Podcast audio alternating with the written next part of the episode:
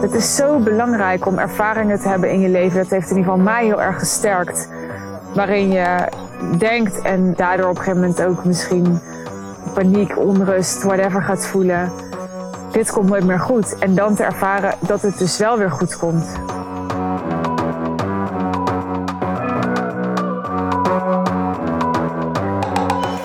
Op de dag dat het early bird aanbod afloopt van de High Level Sales One Day Intensive op 13 oktober, moet het natuurlijk in de podcast gaan over sales. En er is een titel die al een tijdje op mijn podcastlijstje staat. Volgens mij is die bedacht door eh, Sandy, een klant van mij. Hoi Sandy. En hij is gebaseerd op inmiddels een vrij uh, legendarisch verhaal dat ik al verschillende keren heb verteld. Waaronder weer op The Real Deal Live in juni, het event van mijn klanten. En het is het verhaal van de half jaar, het, half, het halve jaar, de, nee, het halve jaar in mijn, uh, ja, mijn business coach carrière. Dat ik 60 nee's kreeg achter elkaar. Echt 60 nee's zonder een jaar ertussen dus. Het is een klein trauma. nee, het, is, het was denk ik in 2020. Ik twijfel een beetje. Ik denk dat het was in 2020. Dat ik in januari een klant binnenhaalde en toen pas in de zomer weer. Volgens mij was het uh, ja, juni of zo. En dat had nog nooit zo lang geduurd. En ik heb dus wel veel calls in de tussentijd gehad. En ik had een VIP-dag nog. En, en het converteerde dus allemaal niet. En het gekke is dat als ik daar nu op terugkijk. Want ik zeg net voor de gein van. Ja, ik heb een klein trauma eraan. Het valt eigenlijk heel erg mee. Als ik daarop terugkijk, dan denk ik: jeetje. Hoe zou ik daar nu mee omgaan? Ik zou nu denk ik helemaal gek worden. 60 nee's achter elkaar. En toen, ik bedoel, het is niet dat ik me er niet bewust van was dat het aan het gebeuren was of zo. Maar ik, het was toen helemaal niet zo'n zo'n big deal als dat ik daar later op terugkeek. Het was ook pas toen ik weer een klant had dat ik ging uitrekenen, hey, hoeveel kans heb ik eigenlijk gehad? En ja, dat ik erachter kwam dat het echt heel veel nee's waren geweest. En misschien niet allemaal nee's van de ander. Hè. Er zullen ook wel gewoon nee's, zeg maar, vanuit mij bij hebben gezeten. Of dat het gewoon niet matchte. Maar 60 gesprekken dus, die allemaal niet tot een ja leiden. Ja, ik denk dat het een mega belangrijke periode is geweest in mijn ondernemerschap. Dat had ik toen natuurlijk ook niet door. Als je daar middenin zit, dan zit je er gewoon in. En dan, uh, dan kan je daar nog niet zo heel goed van een afstand naar kijken. Maar als ik daarop terugkijk, dan was het ook echt de stilte voor de storm. Het was echt in het najaar van 2020 toen mijn business op een heel ander level ging lopen. Nou, als je dit luistert, dan ben je vast nieuwsgierig naar, maar hoe kwam dat dan? En hè, hoe ben je daar uitgekomen uit die periode? Wat, wat is nu jouw analyse daarop? Want die vragen stellen klanten mij ook vaak als ik dit verhaal vertel. Kijk, ik denk dat, dat we niet het feit moeten onderschatten dat ik in 2020 net een baby had gekregen. Mijn dochter was toen een half jaar. Die is in 2019 geboren. En nou ja, die eerste maanden zat ik nog in een soort verlofmodus. En toen heb ik mijn eerste high-level sales masterclass gegeven. Het heette toen nog masterclass. In november was dat. Daar had ik al bijna alle tickets voor verkocht voordat ik ging bevallen. Maar die moest ik nog wel even geven. Daar kwamen uh, geen klanten uit. Dat volgens mij ook al niet. Ik zit te kijken of ik dat goed zeg, maar ja, niet dat ik me herinner. Ik heb ook iets van vier edities gedaan van dat event voordat het pas converteerde. Ja, ik ben best wel een aanhoudertje. maar goed, ik was dus dat eerste half jaar dat ik moeder was, was ik ja, vooral weer aan het leveren aan mijn bestaande klanten en gewoon de lopende dingen aan het doen. Maar had ik niet zoveel ruimte nog om weer te investeren in nieuwe klanten te krijgen. En toen ik dat begin 2020 wel weer probeerde, toen denk ik dat ik nog heel erg mijn draai moest vinden in hoe dan. Want ja, ik heb dat ook wel bij klanten van mij gezien die zwanger waren en uh, baby's kregen in de tijd dat ik met ze samenwerkte. het is gewoon natuurlijk zo life-changing. Zeker een eerste kind. Met name een eerste kind, denk ik. Het is, ja, je, je leven is gewoon echt niet meer hetzelfde daarna. En je, je lichaam is veranderd. Je state of mind is veranderd. Het eerste jaar, weet je, ik heb tien maanden borstvoeding gegeven. Die hormonen gaan natuurlijk alle kanten nog op. Je bent praktisch je weg aan het vinden. Je relatie is helemaal anders. Alles is anders. En ik denk dat gewoon het feit dat alles anders is, hoef je er niet eens zoveel voor te doen. En zelfs als je denkt, ik blijf gewoon doorwerken, of zelfs als het dus lijkt alsof er niet zoveel verandert, dan verandert er alsnog heel veel, want dat kan gewoon niet anders. En ik denk dat er alleen al heel veel energie naar die verandering gaat. En ik denk dus dat ik, dat gewoon een heel belangrijk deel ging op dat moment over dat ik gewoon niet, niet energetisch beschikbaar was voor klanten. Omdat, ik, omdat er dus heel veel energie ging naar mezelf, mijn baby, mijn relatie en hoe ik dat allemaal ging cheffen. Wat ik veel zie gebeuren bij ondernemers die, uh, die ook in een fase terechtkomen dat ze misschien geen 60 nee's krijgen, maar wel dat het allemaal even niet zo floot en stroomt, is dat ze de neiging hebben om een, uh, een terugtrekkende beweging te maken, zoals ik dat noem. En dat gaat dan vaak over, uh, ja, dat ze dan toch weer de neiging hebben om gaan terugvallen op een niche die ze eigenlijk al ontgroeid waren, maar die wel lekker veilig voelt. Of dat ze dan toch maar denken, ik moet iets goedkopers aanbieden of iets korters of iets laagdrempeligers of ja, dat ze opeens klanten waarvan ze dachten, nee, dat matcht niet, dat ze daar dan toch maar mee gaan werken, want ja, dat levert wel omzet op. En allemaal hele begrijpelijke menselijke dingen. En ik zal die neiging naar die terugtrekkende bewegingen ook hebben gehad. Maar ik had toen ook al business coaching. Hè. Ik heb altijd business coaching gehad. Dus ja, dat helpt dan gewoon enorm. Want kijk, als jij midden in zo'n fase zit, dan heb je daar echt geen helderheid op. Dat, dat kan eigenlijk gewoon niet. Dus dan is het gewoon heel helpend om een mentor te hebben of een coach te hebben die zonder alle emoties die jij voelt naar de situatie kijkt en je de juiste vragen stelt en spiegelt wat hij of zij ziet.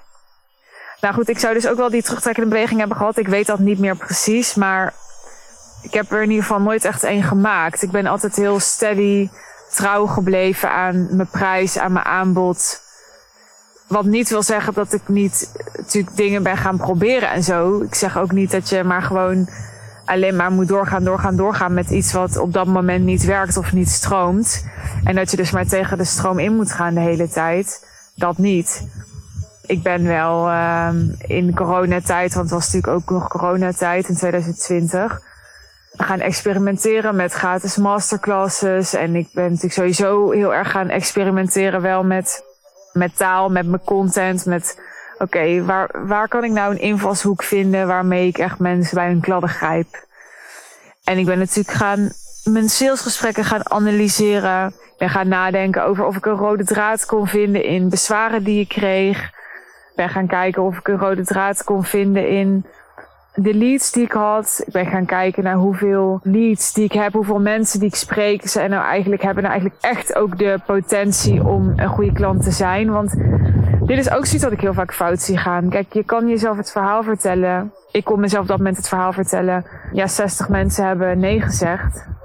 Maar als er maar zeven van die 60 daadwerkelijk de potentie hadden om ja te zeggen, ja, dan ben je eigenlijk gewoon een soort zelfkwelling aan het doen. ja, dan ben je een verhaal aan het maken over afwijzing die er, die natuurlijk eigenlijk helemaal niet, niet echte afwijzing is. Dus ja, ik ben heel uh, analytisch gaan kijken. Ik ben ook, ik heb me ook toen al gerealiseerd van, nou, het zou heel goed echt iets energetisch kunnen zijn. Dus daar heb ik ook naar gekeken wat ik daaraan kon doen. Maar ik geloof ook dat dit soort fases soms gewoon een kwestie zijn van uitzitten, van verduren.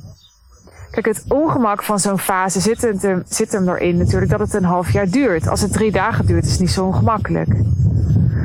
Maar het duurt twee maanden, drie maanden, vier maanden. En hoe langer het duurt, hoe zenuwachtiger je wordt. Maar ik heb het dus zes maanden soort van uitgezeten. Niet dat ik alleen maar passief zat te wachten, nogmaals, maar wel het echt ja, verduurt. En als ik daar nu op terugkijk, denk ik, dat heeft mij dus mega veel vertrouwen gegeven, denk ik, al dan niet onbewust. Dat soort fases, ook als je denkt, komt dit ooit nog goed? Dus altijd ook weer goed komen. Het is zo belangrijk om ervaringen te hebben in je leven. Dat heeft in ieder geval mij heel erg gesterkt. Waarin je denkt en daardoor op een gegeven moment ook misschien paniek, onrust, whatever gaat voelen. Dit komt nooit meer goed. En dan te ervaren dat het dus wel weer goed komt. Kijk, als ik toen had geweten in die fase waar ik nu zou staan, ja, dan had ik natuurlijk uh, dat hele half jaar helemaal geen, helemaal niet druk gemaakt. Had ik gezegd, nou, uh, ik neem wel even een half jaar vakantie dan en uh, over een half jaar ben ik er wel weer. Snap je? Dus we worden zo gigantisch getest op dat we geen controle hebben op de toekomst en dat we dat heel ongemakkelijk vinden. Terwijl we hebben geen controle op de toekomst, nooit. Dus vertrouwen zou altijd het uitgangspunt moeten zijn. Het vertrouwen in jezelf dat jij een manier vindt om jezelf te redden. Want uiteindelijk gaat het daar dan ook weer over, in die end, over overleven.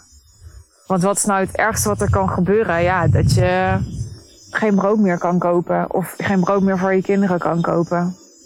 Maar A, ja, daar ben je niet zomaar. En B, daar kom je waarschijnlijk helemaal nooit. Dat, ja, dat, ik bedoel, hoeveel ondernemers ken jij die uh, soort van zijn gestorven aan het ondernemerschap? Of hun kinderen hebben moeten laten honger lijden door het ondernemerschap? En hoeveel ondernemers ken jij die daar gewoon goed van kunnen leven? Tot heel goed van kunnen leven.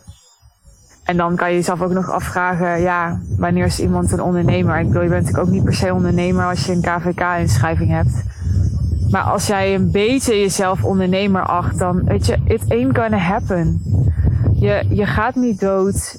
Je hebt die terugtrekkende beweging niet nodig. Je gaat niet de toekomst kunnen controleren. Je gaat niet ja, falen omdat je überhaupt deze ervaring meemaakt van, ja, van contrast, van weerstand, van allemaal niet. Je gaat juist enorm krachtig worden doordat je het meemaakt. En doordat je dus je klanten, maakt niet uit hè, ik bedoel je hoeft niet per se business coach te zijn, maar waar je klanten ook bij helpt. Als je ze helpt bij een grote transformatie, gaan ze allemaal door weerstanden heen, gaan ze allemaal door tegenslagen heen. En ja, hoe bedrevener jij daarin bent, hoe beter je daar anderen in kan begeleiden. Dus wat als je het gewoon ziet als je opleiding? Want dat is het denk ik echt. De crisissen maken dat we de lessen leren. En mijn crisis, dus aanleidingstekens, was toen 60 keer nee. En jouw crisis ziet er misschien anders uit. Misschien heb jij opeens vijf klanten die super ontevreden zijn of whatever. Maar ja, reken maar erop dat als jij echt grote verlangens hebt, serieuze ambities hebt, dat daar een pad bij hoort met lessen en lessen komen met crisissen. En dus, weet je, je kunt het maar beter omarmen. En ik weet dat dit allemaal makkelijk gezegd is. En ik weet dat in het moment als je echt je bankrekening ziet dalen en je verantwoordelijk voelt voor de financiële verplichtingen die je hebt, de commitments die je bent aangegaan. Ik, ik weet dat, dat deze woorden dan allemaal echt kunnen voelen alsof ze niks waard zijn. En dat mag. Je mag ook boos zijn op deze woorden. En je mag alsnog willen proberen te controleren. Het is alleen gewoon heel helpend als je kunt doorzien waar het over gaat, die emoties. En, en kunt doorzien dat, het, dat ze niet zoveel aan de situatie zelf gaan veranderen. Sterker nog, dat hoe meer je de situatie veroordeelt, hoe meer je hem vastzet. Dus hoe, meer, hoe langer je er waarschijnlijk in blijft. En ook dat is niet erg, want ook dat doen we allemaal. Ook dat heb ik zo vaak gedaan. Maar als je het gewoon kunt doorzien, zodat je kunt begrijpen wat er gebeurt, daar, dat, daar kun je dan echt rust uithalen, is mijn ervaring.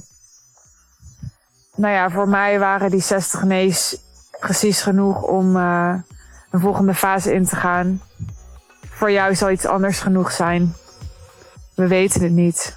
Ik weet ook niet wat mijn volgende beproeving gaat zijn. Ik weet dat die gaat komen, maar ik weet niet hoe die eruit ziet. En ik weet ook niet wanneer het genoeg is. Maar ik weet wel dat ik dan misschien deze podcast nog een keer luister. ik weet ook dat ik, als ik wel toen een terugtrekkende beweging had gemaakt, of als ik niet toen had doorgezet, ik echt sure as hell niet had gestaan waar ik nu sta. En ik weet ook dat ik daar echt hulp bij nodig heb gehad. Ja. Dus als je die hulp kunt en wilt ontvangen, dan uh, ben je super welkom. Ik help je graag. Was dit nou een podcast die over sales ging? Hmm, I don't know. Het was blijkbaar wel wat er uit mijn mond moest komen nu, dus ik hoop dat het je empowered heeft. Nou ja, dat je dus ook een beetje empowered heeft om uh, op de laatste dag dat Early Bird aanbod geldt je ticket te claimen voor de One Day Intensive. Zie ik je daar, 13 oktober. Ik heb er zin in. Tot dan. Ciao.